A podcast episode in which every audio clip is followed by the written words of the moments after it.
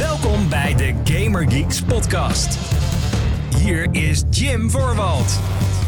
Hallo mede Gaming Geeks, wat leuk dat je luistert naar de Gaming Geeks podcast, de talkshow van GamingGeeks.nl, waarin ik samen met jou door het nieuws heen ga van de afgelopen week. Als het gaat om gaming natuurlijk het meest opvallende nieuws. Ik bespreek daarbij niet alleen maar wat er is gebeurd, maar natuurlijk ook bij een kritische noot.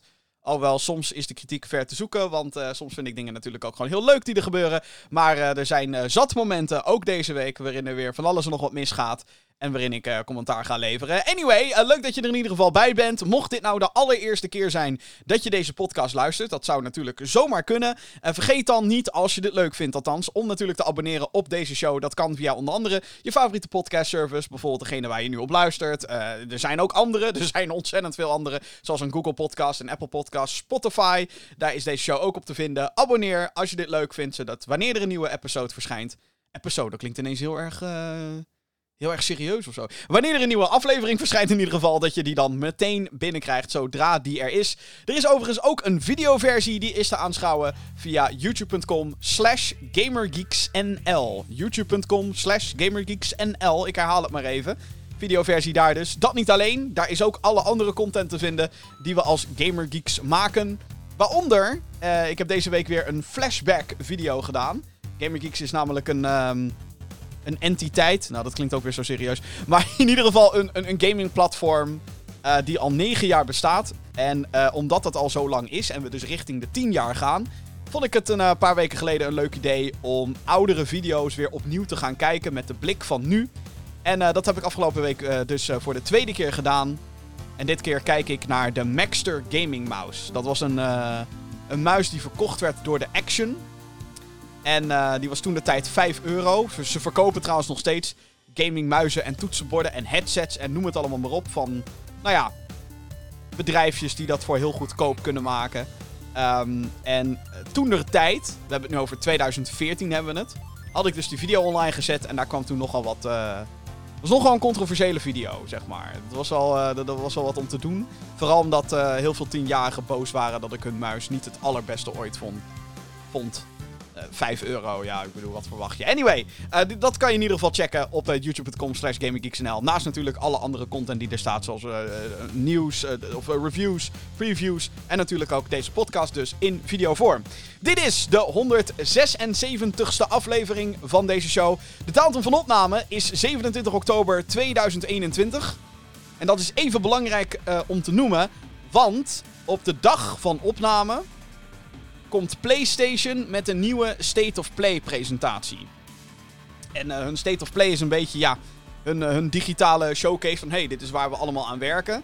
Uh, vanavond, op het moment van opnemen dus nogmaals, gaat dat gebeuren. Dus de kans dat je dit hoort en dat die State of Play al is geweest, is best wel groot.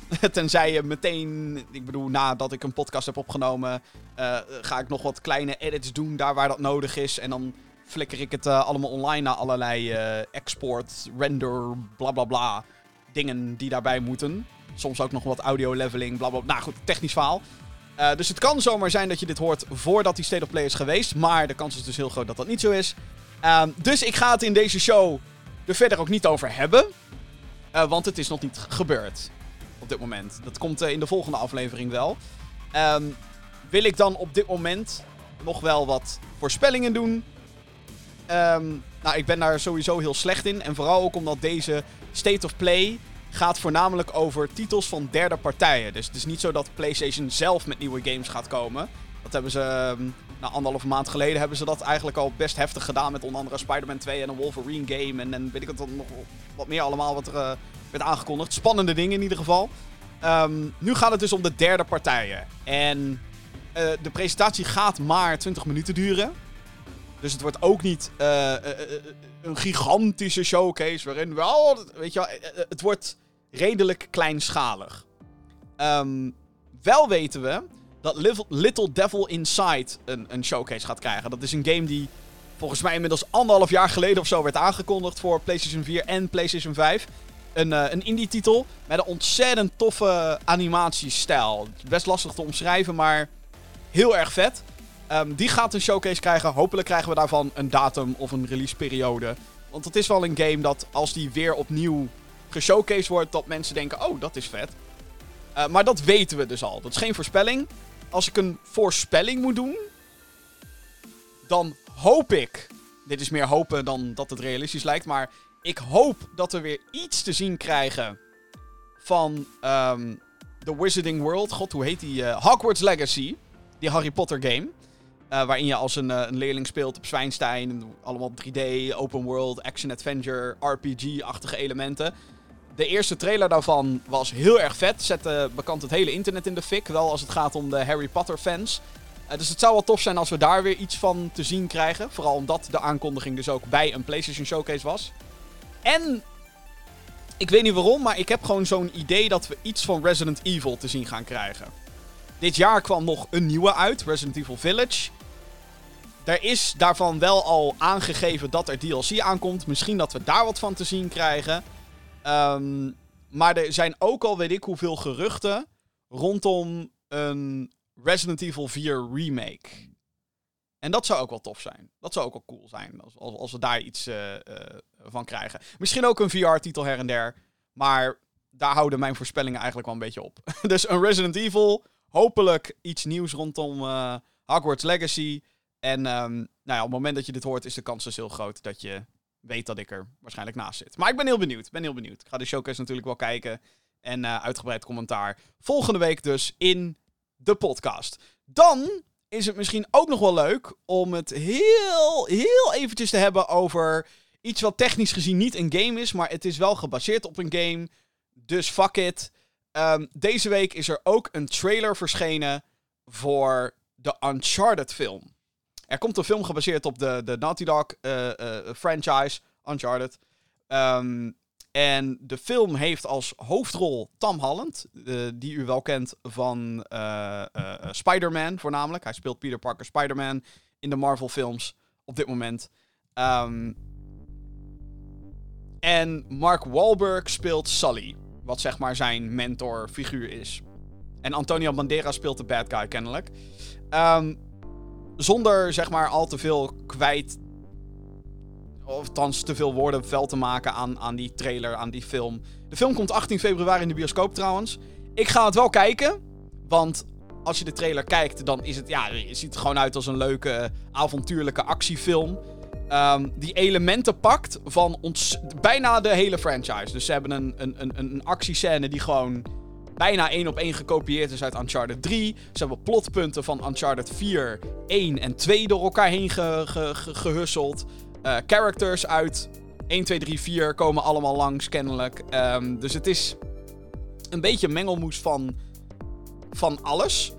Um, en dat is aan zich wel leuk, maar wat ik wel vind is dat het de de kernaspecten van wat Uncharted als verhaal tof maakt, dat dat het een beetje mist.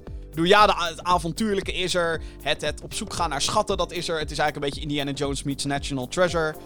Um, als we in filmtermen praten. De games ook trouwens. Um, maar ik, ik voel gewoon niet de Uncharted vibe. Tom Holland als Nathan Drake, ik voel hem niet. Nog steeds niet. Hij, hij...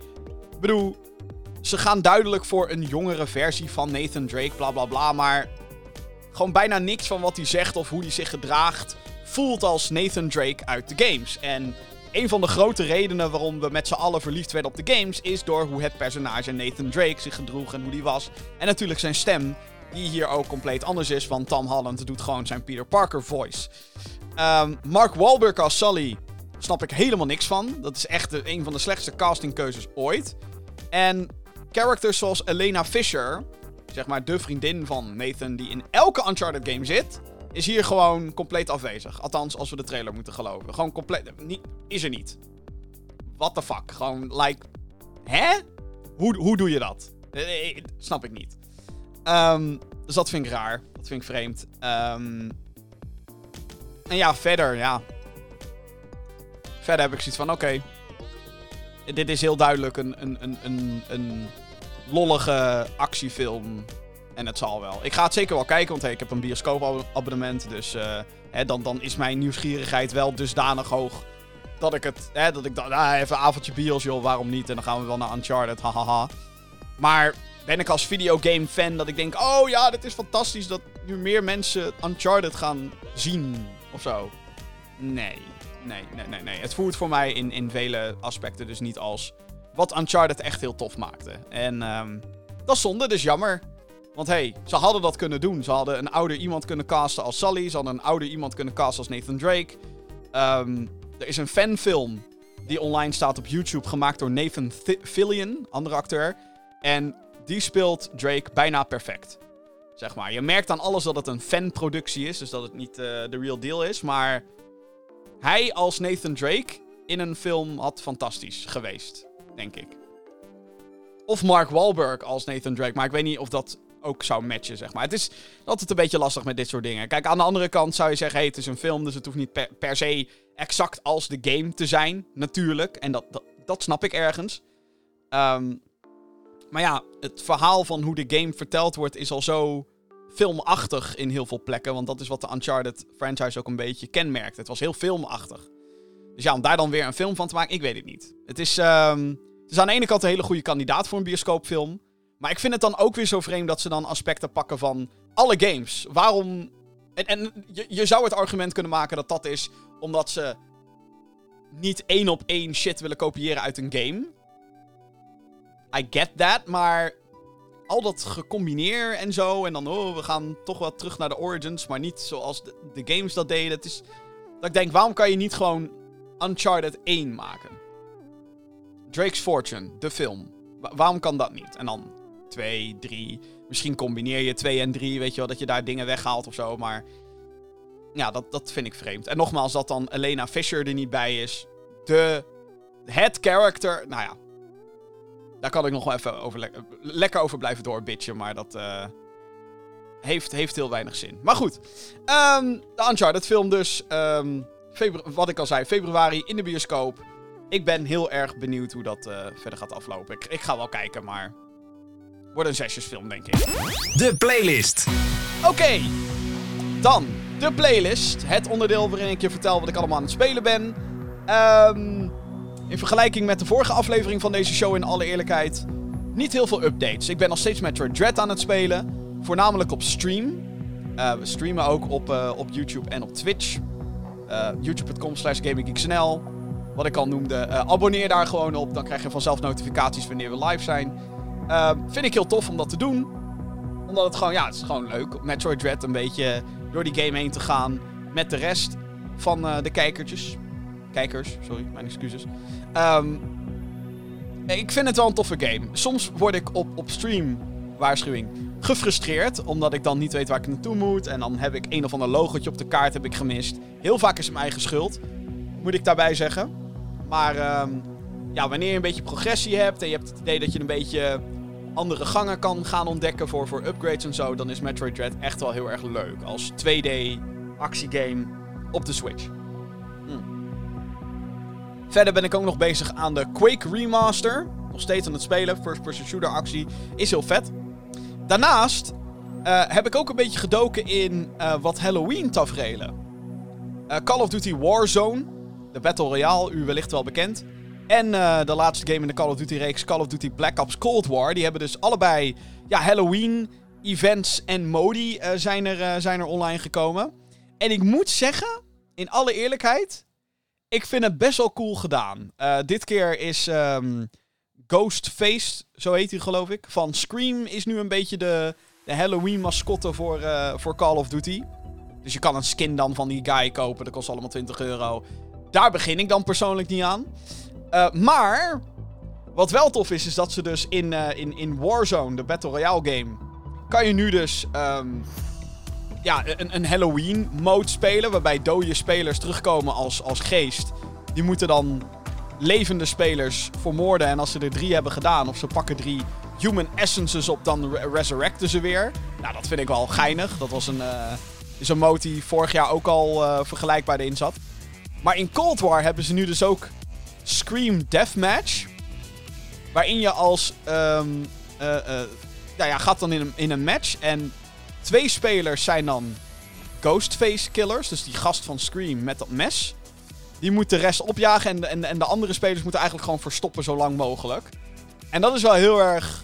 Dat is wel leuk gedaan. Dat is wel leuk gedaan. Het is wel, wel, wel leuk hoe, uh, hoe ze toch dat Halloween en dat daar dan van dat soort geinige modi uh, inkomen. Althans, ik, ik vind het grappig. Ik, ik vind het wel leuk. Ik heb echt wel gelachen met die modes. En heb zoiets van, goh, dit is misschien creativiteit die, uh, die de game gedurende het hele jaar wat meer kon gebruiken. Het is gewoon leuk. Je bent gewoon wat anders aan het doen. En je bent, althans, dat heb ik dan wel. Als er dan zo'n Scream guy achter je aankomt. Je bent gesnapt, zeg maar. Want je zit in een hoekje te kruipen. Hopelijk, hopelijk zie je me niet, hopelijk zie je me niet. En je hoort dan ook die muziek dat... En dan komt die guy achter je aan. Ja, ik, ben, ik heb echt heel veel zitten schreeuwen. Uh, maar dan echt in de, in de meest leuke manier hoe je kan schreeuwen om een videogame. Ah, help, nee, hè! Dus mocht je Call of Duty Warzone of Black Ops Cold War spelen, of hebben... Eh, je hebt dat een tijdje niet gedaan of zo. Echt waar, als je deze podcast nog hoort in, uh, in, in de Halloween week zeg maar, van 2021, ga dat spelen. Want het is, het is lachen. Echt lachen. Ik hoop eigenlijk gewoon dat ze dit soort playlists uh, wat vaker uh, erin gaan doen. Alhoewel dat natuurlijk is, is ook... Kost allemaal werk en geld en weet ik wat allemaal. Maar alsnog. Wat mij betreft mogen ze elk jaar met Halloween dit soort dingen doen. En mag het ook wat langer duren. Je hebt beperkte tijd altijd. Dat is natuurlijk ook het idee erachter. Limited time modes. Maar alsnog, ik vond het heel erg leuk. Vond het heel erg leuk. Zo, sorry. Als laatste, wat betreft mijn playlist, wil ik nog even zeggen dat op moment van opnemen, as I speak, wordt Guardians of the Galaxy op mijn PlayStation 5 geïnstalleerd. Uh, het is een game die de, gisteren uitkwam. Op het moment van opnemen dan natuurlijk. En uh, de reacties erop zijn ontzettend positief. En daar was ik best verrast over, mag je, mag je weten. Marvel's Guardians of the Galaxy werd in juni aangekondigd door Square Enix, uitgever Square Enix. Wordt gemaakt door um, Idols Montreal, de mensen achter onder andere Deus Ex en um, Shadow of the Tomb Raider. De derde in de Shadow. Uh, of Shadow. de derde in de Tomb Raider trilogy. En um, ja, toen ik die trailer zag, dacht ik: oké. Dit heeft wel potentie, maar ik weet het niet, want het moet eind dit jaar al uitkomen. En er was best weinig bus voor release. Ik had gewoon een, het idee dat dit zo'n... Ik had echt het idee dat het een, een zesjes game ging worden. Maar uh, als ik een beetje de reacties lees en zie online, die een beetje onvermijdelijk uh, waren, want uh, gisteren ontplofte Twitter een beetje wat dat betreft. Althans in de gaming circles. Uh, mensen zijn aangenaam verrast door deze game. Dus ik ben heel erg benieuwd. Heel erg benieuwd. Uh, wat ik al zei, as, as I speak, aan het installeren, aan het downloaden op mijn PlayStation. ik, ik hoop althans dat het een leuke game is, want waarom niet? Maar de kritieken zijn echt lovend. Dus. Hmm. Zou toch wel leuk zijn als ik er een keer naast zit. Dat ik denk dat een game mwah, gaat worden en dat het dan gewoon heel tof is. Ehm, zou, zou overigens niet de eerste keer zijn hoor, dat ik ernaast zit. Maar dat uh, gebeurt vaker. Goed, uh, ja, tot zover uh, de, de, de, de, de, de, de, de, de playlist. Zometeen in de Gamer Geeks podcast. We gaan het hebben over Nintendo, uiteraard. Die maakt fans van de voornamelijk Nintendo 64 games best wel boos. Ze hebben iets gedaan, niet heel handig. Althans, de manier hoe ze het gedaan hebben, niet heel handig. veel games worden weer uitgesteld en de maker van Stardew Valley komt met een nieuwe game. Normaal laat ik aankondigingen van indie-projecten een beetje achter mij in deze podcast, maar deze is uh, de moeite waard, geloof mij maar. Nieuws. Maar, we beginnen met uh, ander nieuws. Iets wat... Um... Ja, het is... Dit, uh, ik bedoel, het meeste, meeste nieuws is geen goed nieuws, maar ook dit is zeker niet goed nieuws. Blizzard Entertainment, het bedrijf achter Diablo, World of Warcraft, StarCraft en Overwatch, heeft zijn jaarlijkse evenement BlizzCon geannuleerd voor aankomend jaar. Officieel gezien BlizzCon Online noemde ze het. De planning was om zoals eerder een voornamelijk online evenement te houden in het eerste gedeelte van 2022. Maar nu heeft het bedrijf aangegeven dat het evenement dus niet doorgaat. Blizzard staat al maandenlang onder vuur vanwege een rechtszaak die is aangespannen door de staat van Californië er heerst een giftige bro-cultuur waarbij seksuele mishandeling en intimidatie tegen vrouwen en mensen van kleur door hogere functies de norm blijkt te zijn. Sindsdien zijn er tientallen ontslagen gevallen, waaronder president J. Allen Brack, alhoewel die ging zogenaamd vrijwillig weg. Mm Creative directors van World of Warcraft moesten weg, de regisseur van Diablo 4 en anderen. Een van deze ontslagen was een medewerker met de naam Jesse McCree, Dit leidde ertoe dat het gelijknamige personage in Overwatch inmiddels is veranderd naar Cole Cassidy. Dus de cowboy uit Overwatch was daadwerkelijk vernoemd naar die guy. Nou, die heeft allemaal dingen geflikt. En ehm, nu is zijn naam veranderd dus. Blizzard zegt van BlizzCon een veilige omgeving te willen maken. En geven aan dat ze het format van het evenement ook willen aanpassen. Hoogstwaarschijnlijk hopen ze in 2023 met een nieuw evenement te gaan komen. Oké.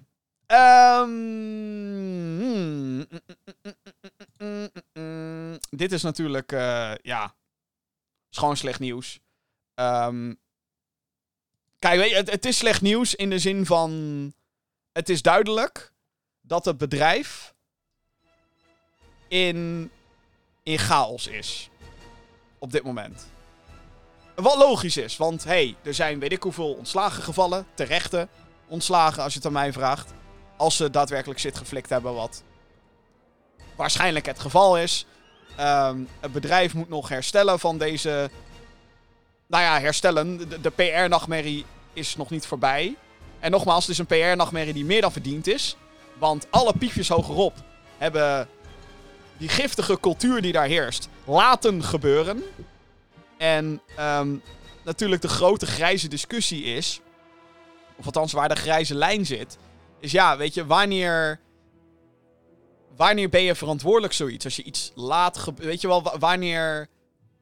Gewoon wanneer moet er actie ondernomen worden? En het is denk ik heel erg duidelijk dat er te laat actie is ondernomen in. Uh, in het geval van Blizzard. En het is iets wat niet de, de afgelopen paar jaar maar een ding is. Dit is iets wat waarschijnlijk al heel, heel, heel, heel, heel, heel lang speelt in dat bedrijf.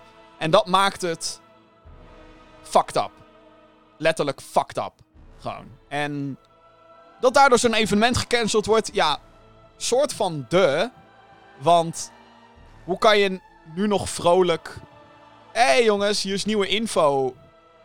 Wat betreft Overwatch. En wat betreft. Ja, Diablo 4 en, en, en whatever the fuck. Het, het, is, het is waarschijnlijk ook zo dat de ontwikkeling van de titels die ze nu hebben, dat dat allemaal nu ook, ook fucked up is. Omdat, ze, omdat er hoge piefjes weg zijn. Omdat er mensen in, in hoofdfuncties vertrokken zijn. Ik bedoel, als Diablo 4 een director verliest. En, en, en, en regisseurs van afdelingen van ontwikkeling van een game, is, is dat natuurlijk. Dat is best een big deal. Want dat betekent dat degene die daar dan voor in de plek komt, die zal misschien anders aankijken tegen verschillende gameplay-filosofieën. Um, er moet natuurlijk gekeken worden naar. Ja. Of, of het product nog wel de richting op gaat waarin men wilt dat het op gaat. Dus er is, is ontzettend veel gebeurd. Te veel gebeurd bijna. Uh, dus om dan nogmaals heel vrolijk dan op een, op een digitaal podium te gaan staan en zeggen... Hey guys, yay, hier is shit. Waarschijnlijk is alles, alles is weer achteruit gezet qua ontwikkeling.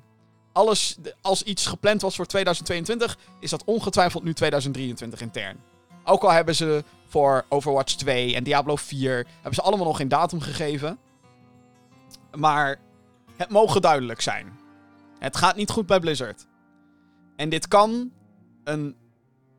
Of dit kan, dit is een heel groot probleem voor het bedrijf. Want het continu uitbrengen van nieuwe content is waar de meeste van hun games op dit moment op tieren. Overwatch 2 duurt eigenlijk te lang. Het is zes jaar geleden. Wat zeg ik? Zeg ik dat goed? Zes jaar? Nee, vijf jaar. Vijf en een half jaar geleden inmiddels dat Overwatch uitkwam. En ik zeg niet dat, dat een vervolg op een game per se binnen een bepaald tijdsbestek moet verschijnen. Maar Overwatch, als iemand die ook door Halloween skins en zo, je kan skins verdienen als je nu Overwatch speelt. Ik merk gewoon dat ik nu alleen maar Overwatch speel als ik een gratis skin kan verdienen. En nadat ik een paar potjes heb gespeeld, ben ik er echt al klaar mee. Dan denk ik echt zo van, guys, gewoon er is echt iets nieuws nodig in die game. Een drastische verandering.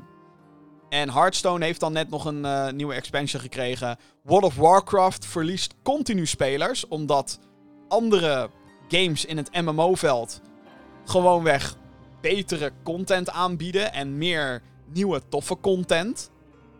Eh, Final Fantasy XIV Online gaat lekker. Eh, dat New World, de, de, de MMO van Amazon, schijnt leuk te zijn voor degenen die het spelen. Ehm, ik ben zelf niet zo heel erg into MMO's, dus daar ga je al. Maar, en, en, en continu ook berichten van mensen die weggaan van World of Warcraft. En dan is zo'n controverse rondom zo'n bedrijf vaak ook de druppel die de emmer doet overlopen. Fuck it, ik ben weg. Dus ja, dit, dit, is, dit is heftig voor, voor, voor Blizzard. En ehm,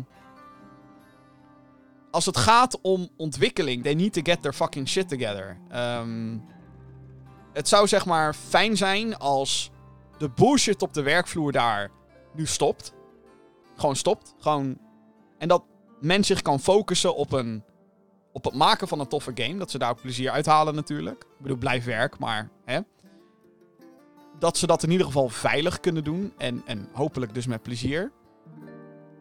En dat ze echt gewoon weer een toffe game kunnen maken die de naam Blizzard waardig is. Want wat er bij Blizzard de afgelopen aantal jaren gebeurt, is niet Blizzard waardig. Zelfs als een game heel erg goed is, zijn er nog ehm, dingen aan de hand die niet goed zijn. Neem bijvoorbeeld uh, Diablo 2 Resurrected. Diablo 2 Resurrected is een, uh, is een remaster van Diablo 2. De. En ik vind het geweldig. Ik vind het oprecht fantastisch. Ik ben zo hard aan het genieten van die game. Uh, ik speel het ook zo nu en dan. Speel ik lekker Diablo 2. En dan denk ik, oh man, dit is die oude game. Dit is net zo goed als vroeger. Uh, er zitten ook een paar klunky dingetjes in die ook van vroeger afkomen. Maar goed, dat krijg je een beetje met een remaster. Um, maar alsnog schijnen daar issues mee te zijn. Er schijnt al sinds launch... schijnen mensen server issues te hebben. En ook al heb ik die server issues nog niet meegemaakt... dat is natuurlijk bullshit. het is natuurlijk fucking schandalig dat dat nog steeds een ding is. We zijn inmiddels anderhalve maand na launch en het is nog niet gefixt. Sommige mensen kunnen gewoon niet normaal online multiplayer spelen in Diablo 2, omdat de servers fucked up zijn. En dan denk ik wel, guys, kom op. Weet je wel? Doe je fucking best een keer en fix die shit. Want het is onacceptabel. Moet je niet willen. Weet je wel? En, en mm. Dus zelfs dat is niet oldschool Blizzard waardig. Blizzard stond ooit voor een feilloze reputatie. Weet je al, World of Warcraft, Diablo 2, StarCraft waren allemaal de voorbeelden in hun genre. Overwatch is dat ook geweest. De hero shooter kwam, kwam toen helemaal op. Alles moest ineens een character worden. En dat zie je uh, met hun eigen abilities en hun eigen bla bla bla. En dat, dat, dat, dat is overal in de industrie is dat overgenomen. Niet dat Overwatch het uitvond, maar dankzij Overwatch is dat nu een ding. Zonder Overwatch had Battlefield 2042, de nieuwe, geen operators. Denk ik. Dus, het, ja, Blizzard, get your fucking shit together. En uh, voornamelijk voor je medewerkers. Dat is het allerbelangrijkste. Weet je, games die uitgesteld worden, whatever. Whatever. Het zal wel. Maar zorg ervoor dat mensen. Dat je mensen als mensen behandelt. Dat je, dat je ze respecteert en dat het allemaal. Uh, dat het weer enigszins normaal wordt. En uh, neem lekker alle tijd. En als je dan BlizzCon moet uitstellen, whatever. Het is natuurlijk wel qua PR, nogmaals, geen good look. Want als we het hele jaar 2022 geen grote aankondigingen krijgen van Blizzard. Betekent dus dat voor in de ogen van gamers het bedrijf bijna een jaar stil gaat staan. Niet dat dat zo is natuurlijk. Er gebeurt van alles nog wat achter de schermen. Qua ontwikkeling en zo, bla bla bla. Maar hè, in de ogen van gamers is het van: yo, waar blijft dit? Waar blijft zus? Waar blijft zo? Dus ja, dat, dat, is een puzzel voor hun om op te lossen. En ik uh, wens ze daar ontzettend veel succes mee. Nogmaals, medewerkers eerst. Menselijkheid eerst. Dan gaan we naar, dat is wel leuk, God of War. Of althans, PlayStation. Uh, want er komt weer een PlayStation exclusive naar PC. Goh, welke zou het zijn? Na Horizon Zero Dawn en Days Gone is het binnenkort tijd voor God of War. De in 2018 verschenen game die als vervolg diende op de hack-and-slash reeks wist tientallen miljoenen exemplaren te verkopen, op console dus, en kreeg lovende kritieken. De PC-versie van de game bevat meer grafische opties dan de console-versies, waaronder Nvidia's DLSS-technologie en ultra-wide resoluties. De game is verkrijgbaar via Steam en Epic Game Store voor 50 euro. En het verschijnt op 14 januari 2022 dus op de PC. De plannen van PlayStation houden daar niet op, want later in 2022 verschijnt Uncharted 4 A Thief's End met Lost Legacy ook op PC.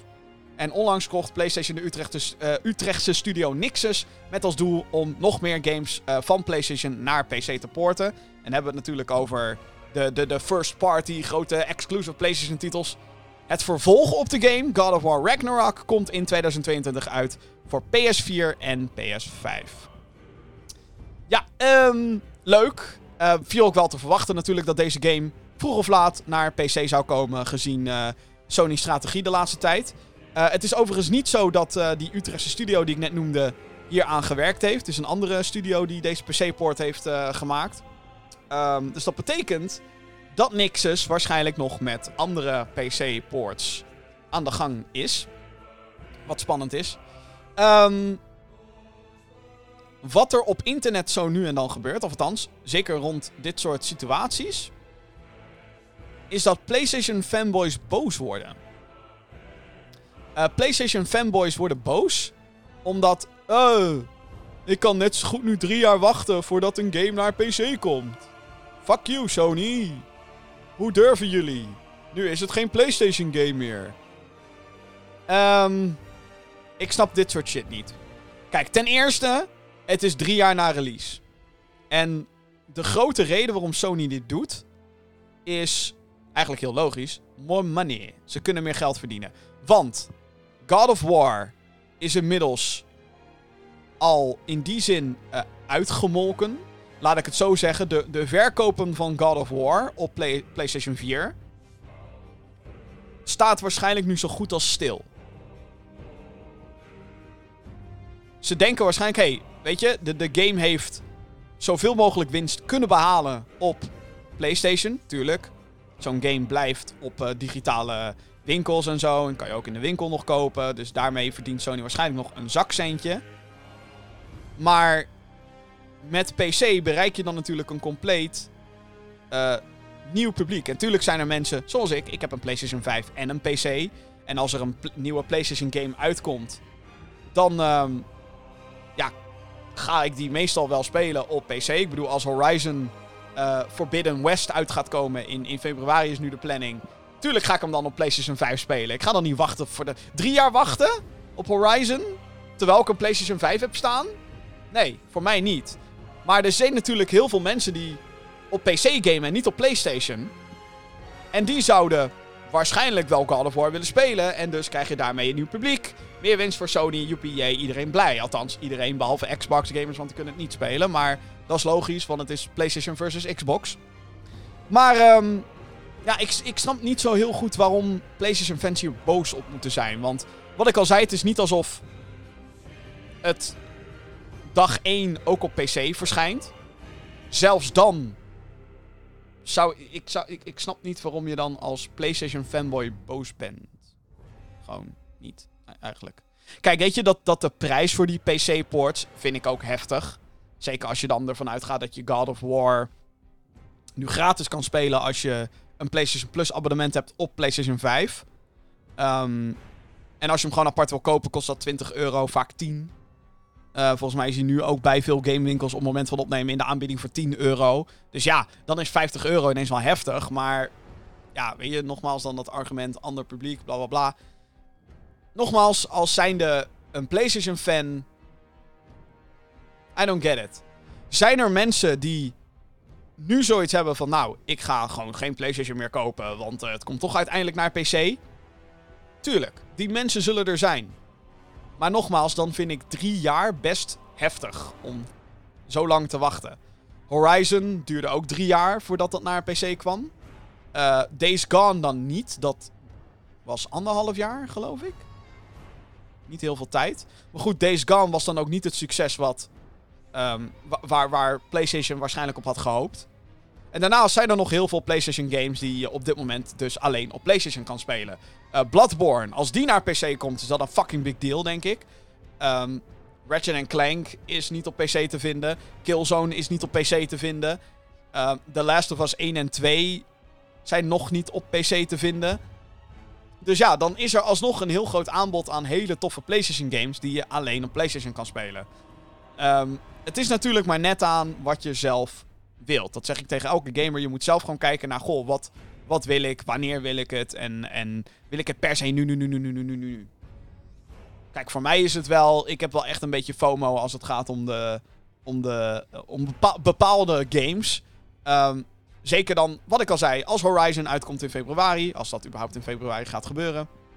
Ik denk dat het nog een keer uitgesteld gaat worden, maar goed. Um, ja, dan, dan ik ga, ik ga het op PlayStation spelen. Ik ga, ik ga echt niet drie jaar wachten voor een PC. Een mogelijke PC-versie, want we weten het niet.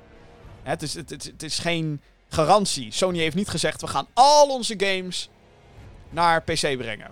In tegenstelling tot Xbox, die natuurlijk heeft gezegd: al onze exclusive games komen dag 1 naar PC. Dat is, dat is next level commitment. Dat is niet wat PlayStation doet. PlayStation heeft gewoon zoiets van: nou, we hebben alles uit deze games gehaald wat we kunnen op PlayStation. Dus komen ze naar PC. Ik weet niet waarom je daar als fan uh, boos op zou worden. Dan God of War. Heb je deze game nog niet gespeeld? Om wat voor reden dan ook. Wat mij betreft een dikke aanrader. Het was mijn favoriete game van 2018. Het is een geweldig verhaal. Met hele toffe brute actie. Uh, en, en echt een, een avontuur waar je u tegen zegt. Het is echt het is een geweldige game. Echt fantastisch. En als je een klein beetje kennis hebt van de oudere God of War titels, hou je hier denk ik net iets meer uit. Maar het is alles behalve vereist. Het is, het is geweldig. Een geweldige game. Dus dat nog meer mensen dit hiervan kunnen gaan genieten. Omdat ze weigeren op een PlayStation te spelen. Omdat ze geen PlayStation hebben. Um, prima. Ga ik de PC-poort halen? Voor 50 euro? Nee. Want ik heb hem al gespeeld op PlayStation. Nee, nee. Ik, uh, Misschien als hij ooit in een Steam sale terechtkomt of zo, dat dat dan voor mij leuk is. Maar verder, uh, wat ik al zei, hoeft voor mij niet. Maar dat is niet per definitie erg. Want ik heb mijn money al lang gegeven aan Sony, dus uh, whatever. Gaan we naar een indie game. En uh, dit is wel tof. Namelijk, het heeft te maken met Stardew Valley. Concerned Ape, de eenman studio achter het mega succes Stardew Valley, heeft zijn nieuwe game aangekondigd. De titel heet Concerned Apes, The Haunted Chocolatier. Waarin je dus speelt als een chocolatier. Maar dan in een fantasierijke wereld. Als speler moet je ingrediënten gaan verzamelen. Mm En uh, die vervolgens, daar vervolgens chocola van maken. En dan natuurlijk verkopen in je eigen winkel. Een beetje, uh, ja, beetje vergelijkbaar met, uh, met zijn vorige game. En zoals in Stardew Valley kan je relaties opbouwen met andere personages en speelt het zich af in een prachtige pixelwereld. De artstijl is weer pixel artstijl. Wanneer de game uitkomt is niet bekend, maar de ontwikkelaar geeft op zijn website aan dat, en ik quote, al wel het eruit ziet alsof het bijna af is. Er is nog heel veel content die ik moet maken. Begrijp alsjeblieft dat het nog een tijd gaat duren voordat de game klaar is, af is. Zoals met Stardew Valley zal Haunted Chocolatier waarschijnlijk als eerste op PC verschijnen, met console ports die daarna komen. Ik vond dit wel een highlightje waard. Stardew Valley is een game die ik persoonlijk niet gespeeld heb. ik ben er eigenlijk gewoon nooit aan toegekomen. Maar het is er oprecht, het is een mega succes. Nog steeds, volgens mij is het zo'n game die al uh, jarenlang bovenaan de Switch uh, verkooplijsten staat. Zeker als het gaat om indie titels. Het is letterlijk miljoenen keren verkocht. En het is een game die gemaakt is door één guy. Uh, het, het, het, is heel erg geliefd onder, onder heel veel type spelers. Uh, voornamelijk onder, en dat valt me dan ook op, mensen die de Sims heel tof vinden, vinden Stardew Valley dus ook echt helemaal fantastisch. Um, dat betekent niet dat dat alleen maar geldt voor alleen maar Sims-spelers, maar het valt me heel erg op dat uh, dat soort contentmakers en streamers ook heel erg aangetrokken zijn tot Stardew Valley. Dus ja, die, uh, die, die, die komt dan eindelijk met een nieuwe game na een jaar of tien, geloof ik. Ik weet niet wanneer Stardew Valley voor het allereerst uitkwam, maar dat is in ieder geval een hele tijd geleden. Um, en ik moet heel eerlijk zeggen dat dit er heel erg leuk uitziet. En heel erg tof is. En uh, dat het een game is waarvan ik denk, oké, Oké, we moeten er dus nog best wel lang op wachten. Maar ehm, het ziet er te gek uit. Wat ik al zei, leuke pixel art stijl. En eh, ja, dit is, een, dit is een dingetje die, eh, die, die ik moet gaan volgen, denk ik. Dit is, eh, ja, dit is eh, de, one to watch. Op je radar houden. Ook al denk ik, als ik een beetje uitga van de toon van de aankondiging, dat we dit dus niet snel moeten verwachten. En dat het mooi zou zijn als we dit in 2023 kunnen gaan spelen.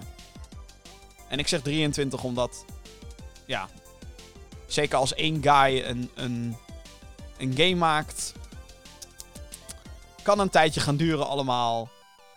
Dus, eh ja, nou ja, nou dat. Dat eigenlijk. Haunted Chocolatier dus. Schrijf dat op. En eh, ik zou zeggen, volg het. Er is nog geen Steam-pagina, geloof ik. Daar is het allemaal nog eh, te vroeg voor. Dan gaan we naar Nintendo. Waarschuwing. Er komt nu een rant aan in de podcast. Nintendo heeft afgelopen week een Nintendo Switch Online uitbreidingspas gelanceerd. En de reacties zijn niet mild. Voorheen was er al kritiek op de prijs. Daar waar het originele abonnement 20 euro per jaar kost, is die met uitbreiding 40 euro. De uitbreiding bevat de aankomende Animal Crossing uitbreiding, Happy Home Paradise, een selectie aan Sega Mega Drive games en een kleine selectie aan Nintendo 64 games. Sinds de release zijn er vooral veel klachten over de emulatie van de N64-titels. In Ocarina of Time, The Legend of Zelda is dat, faalt de emulatie om bepaalde grafische effecten te tonen. Speedrunners komen nieuwe glitches en zelfs crashes tegen. De controls kunnen niet anders ingesteld worden, waardoor sommige games lastig te spelen zijn. In Mario Kart 64 kan er geen ghost data worden opgeslagen vanwege het ontbreken van een controller pack in de emulatie. En de online speelstand heeft verschrikkelijke netcode, waardoor stotteringen in audio en beeld plaatsvinden. Nintendo heeft nog niet gereageerd op de klachten die overal op het internet te vinden zijn. Oké. Dus even resume. Voorheen was er dus een Nintendo Switch Online abonnement. Daarmee krijg je de mogelijkheid om Nintendo Switch online games te spelen. Dus Super Smash en Mario Kart noem het maar op. Kan je dan online spelen. Je krijgt toegang tot cloud data, de cloud save zeg maar. Dus je kan je games opslaan in de cloud. Zodat je van ding kan switchen zonder uh, gedoe. Console. Uh, er zijn exclusieve aanbiedingen in de, in de Nintendo eShop. En je krijgt dus toegang tot Nintendo Entertainment System games. Een kleine selectie. En Super Nintendo games. Ook een kleine selectie. Dat is onderdeel van de dienst. Dus voor de uitbreidingspas krijg je daar letterlijk uitbreiding op, maar dat kost je dubbel zoveel geld. Dit is voor mij, de klachten die ik net opnoemde, dit is voor mij het bewijs dat Nintendo geen fuck geeft. Nintendo geeft geen fuck. Behalve geld verdienen. En tuurlijk, weet je wel, elk videogamebedrijf bestaat om geld te verdienen. Het is immers een bedrijf, het is een business. Maar de, um, de mate waarop dit nu gebeurt, vind ik fucking schandalig. Als je zo'n beperkt, want er zijn 9 games verschenen of zo voor de Nintendo 64 met deze dienst. Dus je vraagt 20 euro per jaar voor 9 games.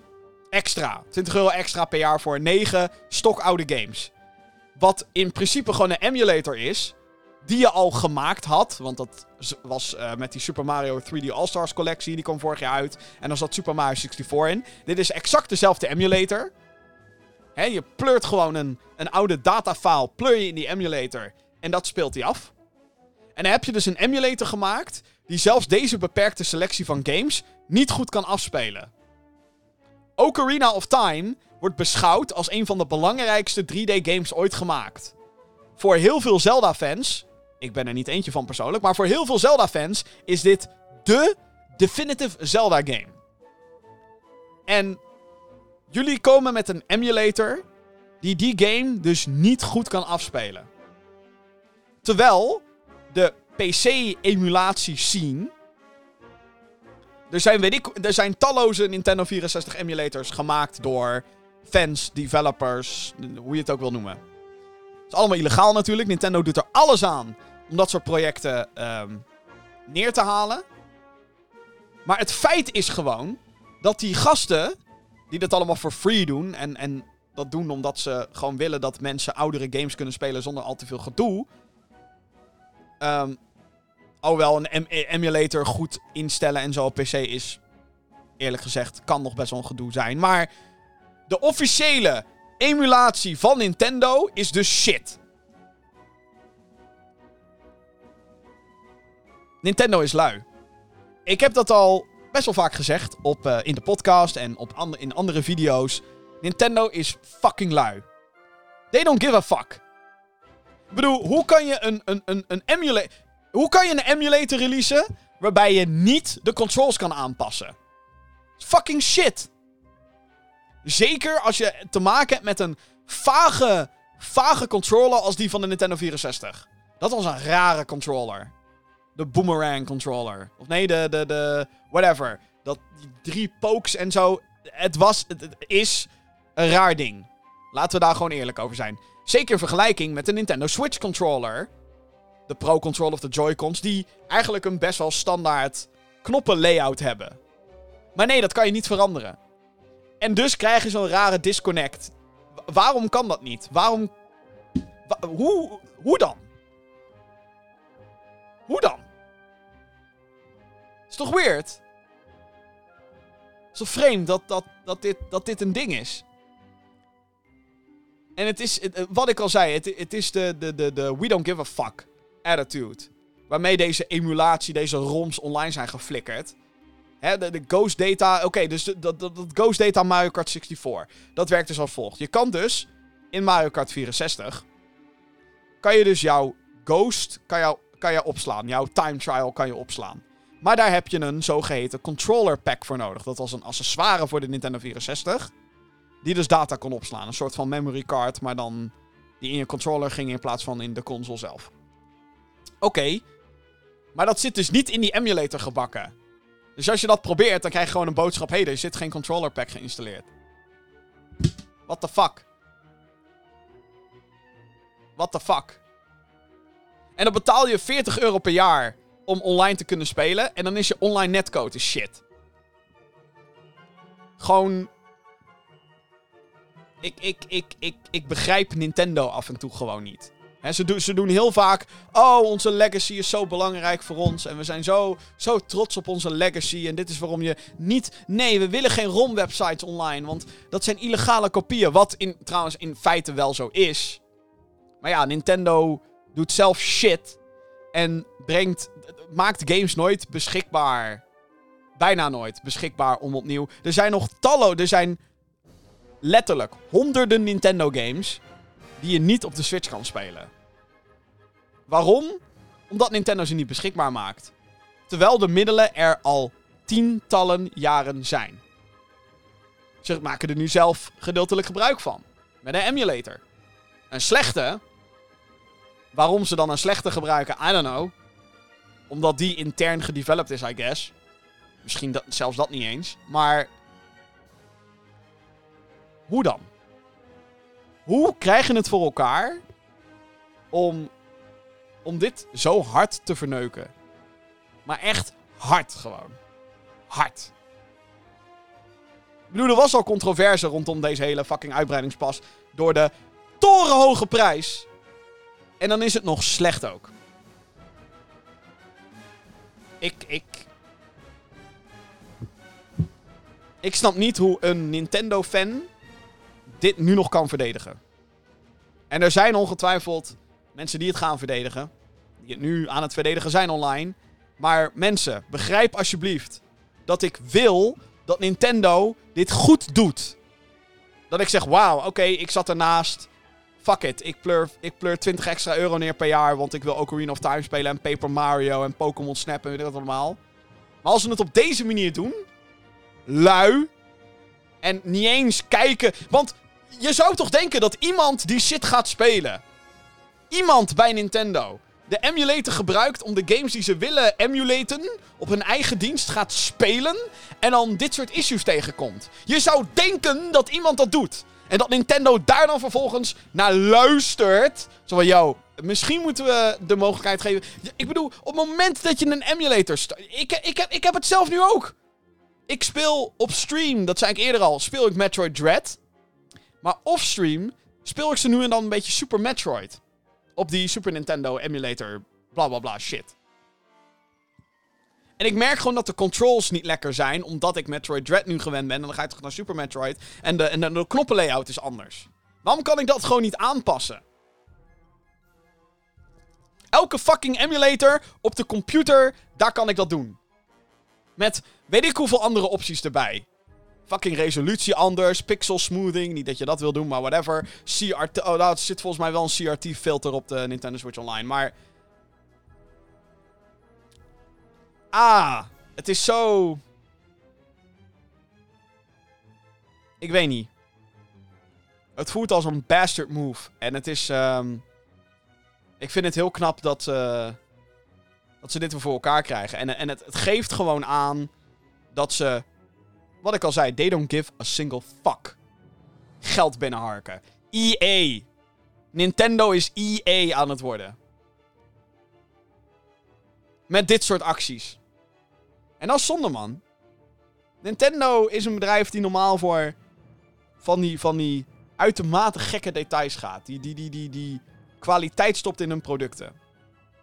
De Switch is niet de krachtigste console ooit. Maar als je dan kijkt naar een game als Metroid Dread, dan is het gewoon, kijk, hier zit liefde in. Het is niet door Nintendo zelf gemaakt. Althans, zo'n een officiële Nintendo studio. Maar je merkt gewoon, nou ja, dit is een fucking kwaliteitsgame. Metroid Dread is te gek. En dan komen ze met dit soort shit.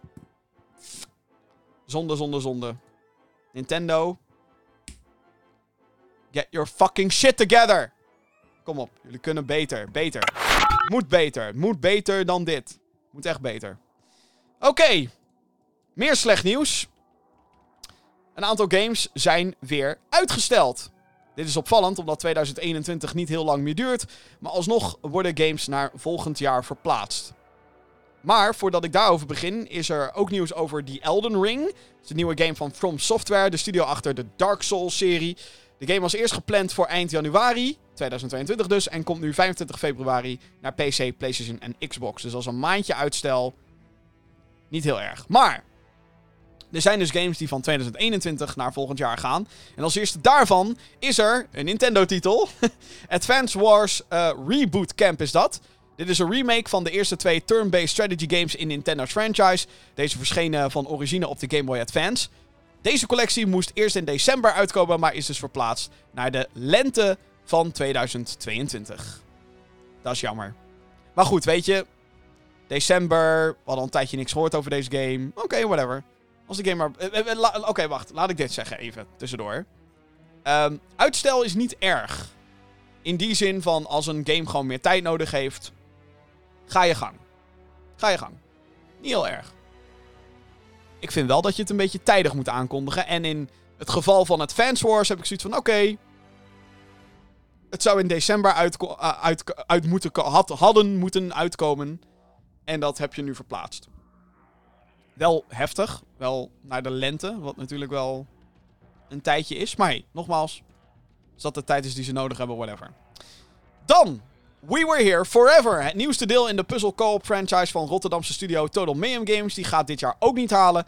Na een half jaar stilte rondom de titel is aangekondigd dat, is, dat het is uitgesteld naar het tweede kwartaal van 2022. Die moet uitkomen op PC, PlayStation en Xbox. Um, ja, We Were Here is te gek trouwens. Uh, mocht, je, mocht je die games niet gespeeld hebben, je moet het met een andere speler spelen. Je speelt als twee uh, uh, ja, ontdekking, ontdekkers, explorers, ontdekkingreizigers, ontdekkings, whatever. Twee explorers in uh, Antarctica en die komen dan in een mysterieus kasteel terecht. Ze worden van elkaar af, afgesplitst. En de enige, het enige middel wat je hebt is een walkie-talkie om puzzels op te lossen. Um, dus je moet heel erg veel met elkaar praten van... Hé, hey, ik zie dit plaatje. Wat zie jij? Ja, ik zie drie schilderijen. Oh, en eentje heeft ze hebben allemaal een plaatje en er zit een knop onder. Wat voor plaatje heb jij? Ja, ik heb een uh, soort vuurtoren. Oké, dan moet ik op die knop drukken en dan kan je door. Bijvoorbeeld. Dat is een hele, hele simpele omschrijving van een hele basispuzzel in We Were Here. Het gaat veel ingewikkelder en er komen allemaal gekke scenario's bij. Um, aanrader, We Were Here. Uh, doen. Met name de derde game in de serie is te gek. Uh, Together heet die. Um, Forever lijkt ook wel tof te worden. Um, maar ja, dat duurt dus nog even. Uh, nog een uitstel dan? Ja hoor. First Person Shooter Shadow Warrior 3 is ook eindelijk uitgesteld. Ontwikkelaar Flying Wild Hawk en uh, uitgever Devolver Digital... die bleven tot aan de dag van de opname van deze podcast volhouden... dat de game nog dit jaar zal uitkomen. Het komt nu in 2022, maar een datum of periode is nog niet aangegeven. En de reden waarom ik dat zeg, is omdat ik uh, van mening... Ik bedoel ten eerste, weet je, oké... Okay, um, aan de ene kant kan je verwachten dat als het eind oktober is... en je hebt nog steeds geen datum voor je game... De, dan wordt het waarschijnlijk uitgesteld. Dat gezegd te hebben... Mag ik vragen waarom zo ontzettend veel ontwikkelaars en uitgevers een hele uh, generieke 2021 release datum hebben voor hun games. En dan tot fucking eind oktober wachten met het uitstellen ervan. Het officieel aangeven van hé, hey, het gaat toch naar volgend jaar. En zeker in het geval van Shadow Warrior 3 ben ik daar fucking pissed off over. Want voor de duidelijkheid, ik heb heel veel zin in Shadow Warrior 3. Ik vind de Shadow Warrior games leuk. Ik bedoel, uh, de ene is wat mij betreft beter dan de ander. Maar hè, ik, ik, was me echt aan het verheugen op Shadow Warrior 3. En aangezien dat een, een, een, een, een, kleinere titel is, het is niet van een EA, het is niet van een Nintendo, het is niet van een Warner Brothers, het is niet van een Ubisoft, noem maar op. Verwacht je toch wel dat er in ieder geval iets van transparante communicatie komt. En in augustus had de ontwikkelaar slash uitgever had toen gezegd... hey jongens, in augustus gaan we de release datum aankondigen. En dat gebeurde niet in augustus. Augustus ging, voor, ging voorbij. En het was gewoon, oké... niks. Er werd niks gezegd. Tegen de fucking community helemaal niks. En dat 2021 dingetje bleef staan. Overal. Op een storepage, op een Twitter-account, overal. Sinds augustus hebben fans, waaronder ik, continu een beetje lopen bitchen van... Guys, release date? Jullie hadden het gezegd. In augustus gaan we release date. Daarna zijn jullie gewoon like fucking stil geweest. Is het echt zo moeilijk om te zeggen... Yo man, het wordt 2022. That's it. Het enige wat, ik, het enige wat we willen horen. Gewoon, jongens, we gaan het delayen. Het wordt niet 2021 meer. Dat, dat, zo moeilijk is dat niet. En serieus, als jij nu een game developer bent, of publisher of whatever, en je hoort dit, en op jouw Steam-pagina staat nog steeds 2021, of kom met een datum, of fucking stel het uit. Wees in ieder geval eerlijk naar je community. Ik snap niet waarom dat zo fucking moeilijk is voor dit soort partijen. En hetzelfde. By the way, hetzelfde geldt voor We Were Here. Een half jaar lang is er geen update geweest op de Steam-pagina van We Were Here Forever. Een half jaar lang. Niks. Niks over de nieuwe game. Helemaal niks. En dan in, ook in oktober. Oh ja, by the way, we gaan het dit jaar niet redden. Tuurlijk, weet je, als je in oktober nog steeds geen release datum hebt. Nogmaals, je zou kunnen denken als speler, nou dat gaat het niet worden. Maar alsnog, waarom is dat zo moeilijk om dat iets eerder te communiceren met je mensen? En ik snap het ook wel, het is allemaal mierenneukerij. Het is allemaal gym, uh, wat boeit het jou, weet je wel, whatever. Of je nou een game wat later kan spelen, wat maakt het uit? ik vind wel dat het uitmaakt. Ik vind wel dat je een beetje transparant kan zijn tegenover je community, of niet dan? Nogmaals, omdat het niet heel veel moeite zou moeten kosten. Gewoon te zeggen, we gaan het dit jaar niet redden. Het lijkt mij dat je binnen zo'n ontwikkelteam op een gegeven moment tegen allerlei dingen aanloopt dat je denkt, nou... Als je het idee hebt van, nou, het wordt wel heel krap om dit jaar nog te halen, dan denk ik dat je als ontwikkelteam moet zeggen, dan doen we het niet dit jaar. Want je weet nooit wat voor gekke bugs, zo werken games nou eenmaal. Althans, weet je, ik, ik, heb zelf, ik zelf nooit een game gemaakt. Maar als ik een beetje uitga van wat er allemaal in het verleden is hè, gebeurd qua, qua marketing en qua, qua, uh, qua game-uitstelgedrag. Is dat als je iets toevoegt, dan gaat er ineens iets kapot ergens anders. En dan denk je, oh shit, dat moeten we fixen. Nogmaals, als, als team intern, als je zo lang bezig bent aan zo'n project, dan weet je toch op een gegeven moment gewoon, we gaan dit jaar niet meer redden. Dat is toch toch. En, en, en, en ik denk niet dat er iemand zal zeggen. Ik bedoel, tuurlijk, er zijn altijd wel van die fucking bitches die dan gaan zeggen: huh, uitgesteld, huh, fuck you. Huh. Tuurlijk. Whatever. Maar als dat uiteindelijk de kwaliteit van de game ten goede doet. zie ik het probleem niet. Want we hebben al zo, we hebben al te vaak releases gezien die, die, die gehaast zijn. Cyberpunk had ook gewoon uitgesteld moeten worden. Oké, hebben ze ook gedaan, tot drie keer toe. Dan kan je, dan kan je een release datum bijna niet meer serieus nemen, maar... En, en, wat ik dan nog frustrerender vind, is dat ze dan ook niet met een... Uh, dit geldt trouwens voor Advance Wars, voor Shadow Warrior, voor We Were Here, voor allemaal. Ze komen niet met een datum. Nee, ze komen met tweede kwartaal of lente of ergens 2022. Ik bedoel, come on. Nee, al, dat zijn best wel hele generieke termen. Dus dat, betekent eigenlijk dat 2021, als je dus dan nog steeds niet weet in welke maand of whatever je gaat releasen, betekent dus eigenlijk dat 2021 was sowieso niet haalbaar. Dan. Behalve dan bij Advance Wars, die hadden wel een specifieke datum. Nu niet meer. Hm. Oké. Ik weet niet. Ik, eh, en, en, dan is het zeker in het geval van kleinere slash indie titels. Dat je toch zou denken dat ze weten dat transparantie tegenover je community dat dat belangrijk is. Zeker het, uh, vooral Shadow Warrior. Dat ik denk, guys, jullie zijn fucking maandenlang stil geweest. Maandenlang stil geweest. Rondom deze game. Niks hebben jullie gezegd. Maar we gaan in augustus gingen we release datum uh, aangeven hoor. Nee, hebben jullie niet gedaan. En sindsdien gewoon stilte. Gewoon doodzwijgen die shit. Niet netjes. Niet netjes. Zeker niet omdat indie titels juist meer afhankelijk zijn van een community dan, dan de AAA's. EA kan, heeft het geld om alle gaming websites om te toveren tot een fucking FIFA website. Qua advertenties. Overal zie ik nu Guardians of the Galaxy advertenties. Mensen weten echt wel dat die game er is nu. Althans, heel veel mensen weten dat die game er is. Dat, dat, is, dat is macht die indies vaak niet hebben. En daarom ben je juist afhankelijk van een community die positief. Oh shit, weet je, oh, hyped voor deze game, bla bla bla bla. Die hype ga je niet opwekken als je een half jaar lang stil blijft rondom een game. En dan uiteindelijk alleen maar met de boodschap komt: oh by the way, het wordt later. Wat je eigenlijk toch al wist. Als je de game nou volgt. Want je hoort niks van een fucking half jaar. Ik weet niet. Ik, ik, ehm, Laat ik het zo zeggen. Ik zou het in het geval van Shadow Warrior en We Were Here. Ik zou het anders aangepakt hebben. Ik zou ietsjes transparanter zijn. En kom dan ook gewoon met wat nieuwe info. Zowel Shadow Warrior als We Were Here was gewoon... Oh ja, uh, naar 2022. Doei.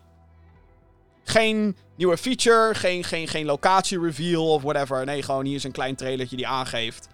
Fuck it, we gaan naar volgend jaar. En niet zozeer fuck it. Kijk, nogmaals, uitstel is goed als dat de game ten goede komt. En dat is meestal zo. En ik hoop nog steeds... Ik ga ze alle drie spelen. We Were Forever. Ik ben fucking hyped. Shadow Warrior, nog steeds hyped. maar die onduidelijkheid... Mm. Ik bedoel, dan krijg je... Heel eerlijk, als je transparanter bent richting je community... dan heeft die community denk ik ook een stuk meer begrip voor uitstel. En nee, hoe meer begrip, hoe meer positieve vibe er is... hoe meer positieve vibe... Uh, hoe meer dat gaat verspreiden. In plaats van, oh ja, ze zijn maandenlang... Zoals ik nu aan het bitchen ben in deze podcast. Dus, dat. Tot zover rent nummer 2 van vandaag. We gaan lekker. maar, uh, positief nieuws is dat er nog. Ja hoor, ik heb nog wel positief nieuws. Uh, oh, we gaan niet positief eindigen, zie ik nu al. Maakt niet uit. Uh, na vele lekken heeft Rockstar afgelopen, afgelopen week officieel de Grand Theft Auto Trilogy Definitive Edition aangekondigd. Of eigenlijk heet het The Trilogy The Definitive Edition. Wat natuurlijk een verschrikkelijke fucking kuttitel is, maar hey. Um, het is in ieder geval een remaster van Grand Theft Auto 3, Grand Theft Auto Vice City en Grand Theft Auto San Andreas. En wat mij persoonlijk verraste, dat waren de graphics, want die hebben best wel een beetje een oppoetsbeurt gekregen. Met hoge resoluties voor personages, locaties en items. De controls die zijn ook aangepast naar de layout van GTA 5. Dus als je de controls van GTA 5 gewend bent, oftewel eigenlijk best wel standaard third-person shooter moderne controls. Gelukkig, dat zit nu dus ook in deze drie games. De collectie die komt naar PC, PlayStation 4, Xbox One en Nintendo Switch. Het is 11 november digitaal verkrijgbaar, dus dan komt hij uit. Vanaf 7 december ligt er ook een fysieke editie in de winkel. De Trilogy kost op alle platforms 60 euro. Ja, um, ik ben positief verrast door de uh, veranderingen die zijn gemaakt in de game. Uh, ze lijken ja, wat modernere lichtreflecties en wel echt... Ze hebben echt de boel opgepoetst. bedoel, het ziet er nog steeds uit als de oldschool cartoony ja, GTA-games. Uh, maar ja, dan wat moderner. En als het dan is met hoge resoluties en een toffe framerate en controls die anno nu uh, normaal voelen. Ja, ja, tof. Ik weet niet of ik, uh, zoals heel veel andere projecten, tijd heb om dit te gaan spelen. Maar, hey, uh, ik denk dat best wel wat mensen goede herinneringen hebben aan Grand Theft Auto. Een van de drie games, of alle drie de games misschien wel. Dus, eh ja, well done. Het enige wat ik jammer vind, is dat uh, Rockstar de, de, de oudere versies van GTA 3, Vice City San Andreas van de PlayStation Store heeft afgeflikkerd. Ik snap eigenlijk niet echt why. Waarschijnlijk zodat ze dit meer kunnen verkopen. Waarschijnlijk, dat is de reden. Oké, technisch gezien is het waarschijnlijk, want technisch gezien weet ik het niet zeker, maar... Hè? We kunnen van sommige dingen kunnen we gewoon lekker uitgaan. Um, dus dat is het enige waarvan ik denk... Uh, waarom dan? Weet je wel, laat die oude versies ook gewoon lekker staan. Maar ja, dan zou je misschien ook alweer het argument kunnen... Met het argument kunnen komen van ja, waarom... Uh, waarom zit de oude versie niet in de Definitive Edition gebakken? Oké, oké. Anyway, ik ben, uh, ik ben best wel enthousiast. Niet dat ik... Ik heb niet zoiets van, oh my god, uh, de, de 11 november, ik uh, zet mijn dagen vrij. En ik vind 60 euro eerlijk gezegd wel... Maar goed, je krijgt dan weer drie games, dus dan... En ze hebben daadwerkelijk shit opgepoetst.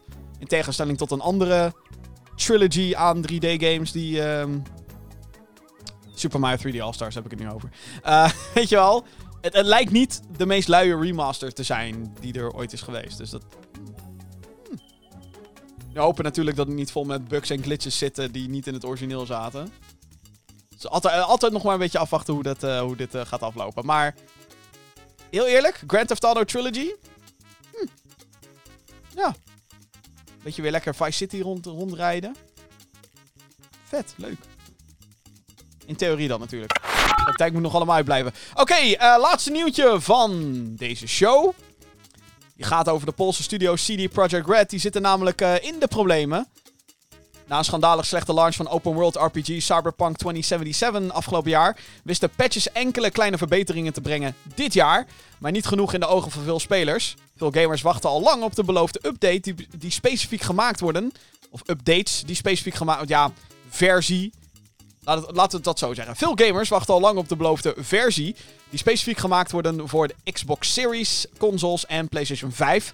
Deze stonden gepland voor dit najaar, maar zoals je misschien wel kan verwachten, gaat dat feestje niet door. Via Twitter en hun website heeft het eh, bedrijf nu eh, bevestigd dat de zogenaamde Next Gen Update voor Cyberpunk 2077 nu verzet is naar het eerste kwartaal van 2022.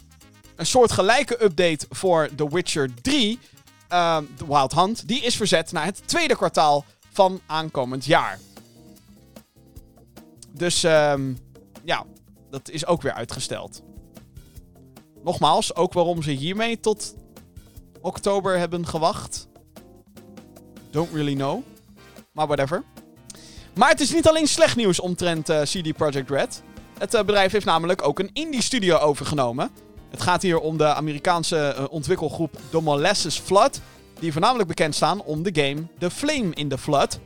Het kleinere team is bezig met een nieuwe game in een IP die van CD Projekt Red is. Maar dat hebben ze nog niet, of nog niet bevestigd welke dat is. Vermoedelijk gaat het dus om een Witcher of Cyberpunk spin-off. Meer info volgt volgens de partijen later. Het is een beetje een mixed bag wat betreft CD Projekt Red. Um, ja, weet je, uh, The Witcher 3 ben heel benieuwd wat ze in die next-gen update gaan stoppen. Die komt ook voor PC trouwens.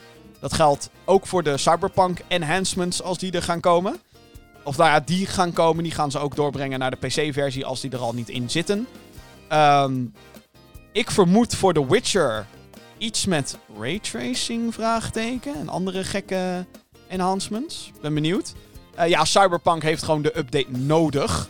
Um, ja, want Cyberpunk is nog steeds een fucking rommel op uh, vele fronten.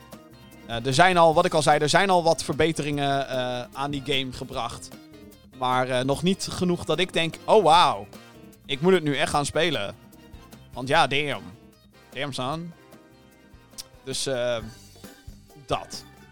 Is een beetje, een beetje jammer. Maar goed, tot zover het nieuws van de afgelopen week. En daarmee zijn we ook eh, bijna aan het einde gekomen van deze editie van de Gamer Geeks podcast. Eh, maar niet voordat ik je heb verteld dat je natuurlijk kan abonneren op deze podcast. Mocht je het tot dusver leuk hebben gevonden, eh, dan zou ik zeggen: please, please, please, abonneer op deze show. Zodat je geen enkele nieuwe aflevering mist. Uiteraard is er ook een videoversie te vinden. Die is te vinden op youtube.com slash gamergeeksnl. Wat ik al zei, eh, als je daarop nog niet geabonneerd bent op dat YouTube kanaal. Via je YouTube, Google, Drive, Doc, Gmail account dinges.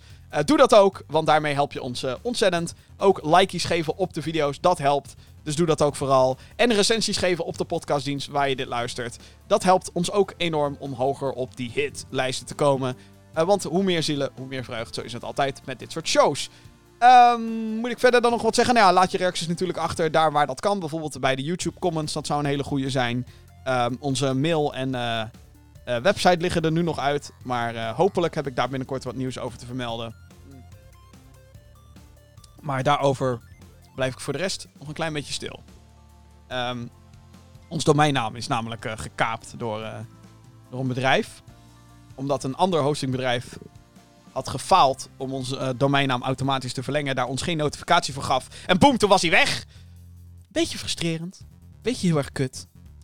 Ehm, maar daar wordt aan gewerkt. En hopelijk hebben we heel snel een oplossing. Of althans, die oplossing ligt aan de horizon. Maar details hoor je zodra ik ze ook heb. Anyway, ehm, tot zover deze 176ste aflevering van de Gaming Geeks podcast. Nogmaals, hartstikke bedankt voor het luisteren. Tof dat je er zo lang weer bij bent gebleven. En heel graag tot een volgende keer.